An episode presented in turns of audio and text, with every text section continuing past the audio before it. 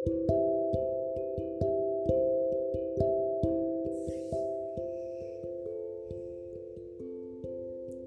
indah, selalu indah tiap harinya. Mengapa bisa begitu? Mengapa aku bisa begitu tunduk?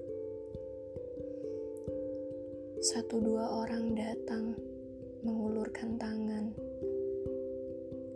Bodohnya, aku menolak mereka tanpa berpikir dua kali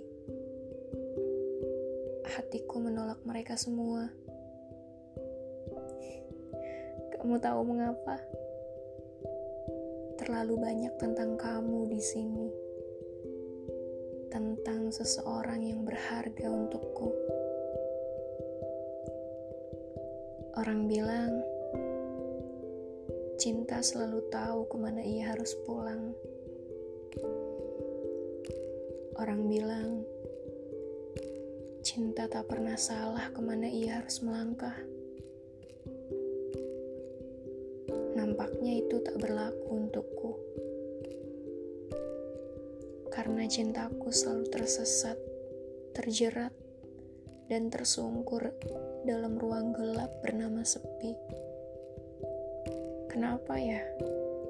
Dari jutaan populasi manusia, aku harus jatuh cinta sama kamu yang bahkan gak pernah peduli tentang aku barang sedetik pun. Bumi ini luas banget.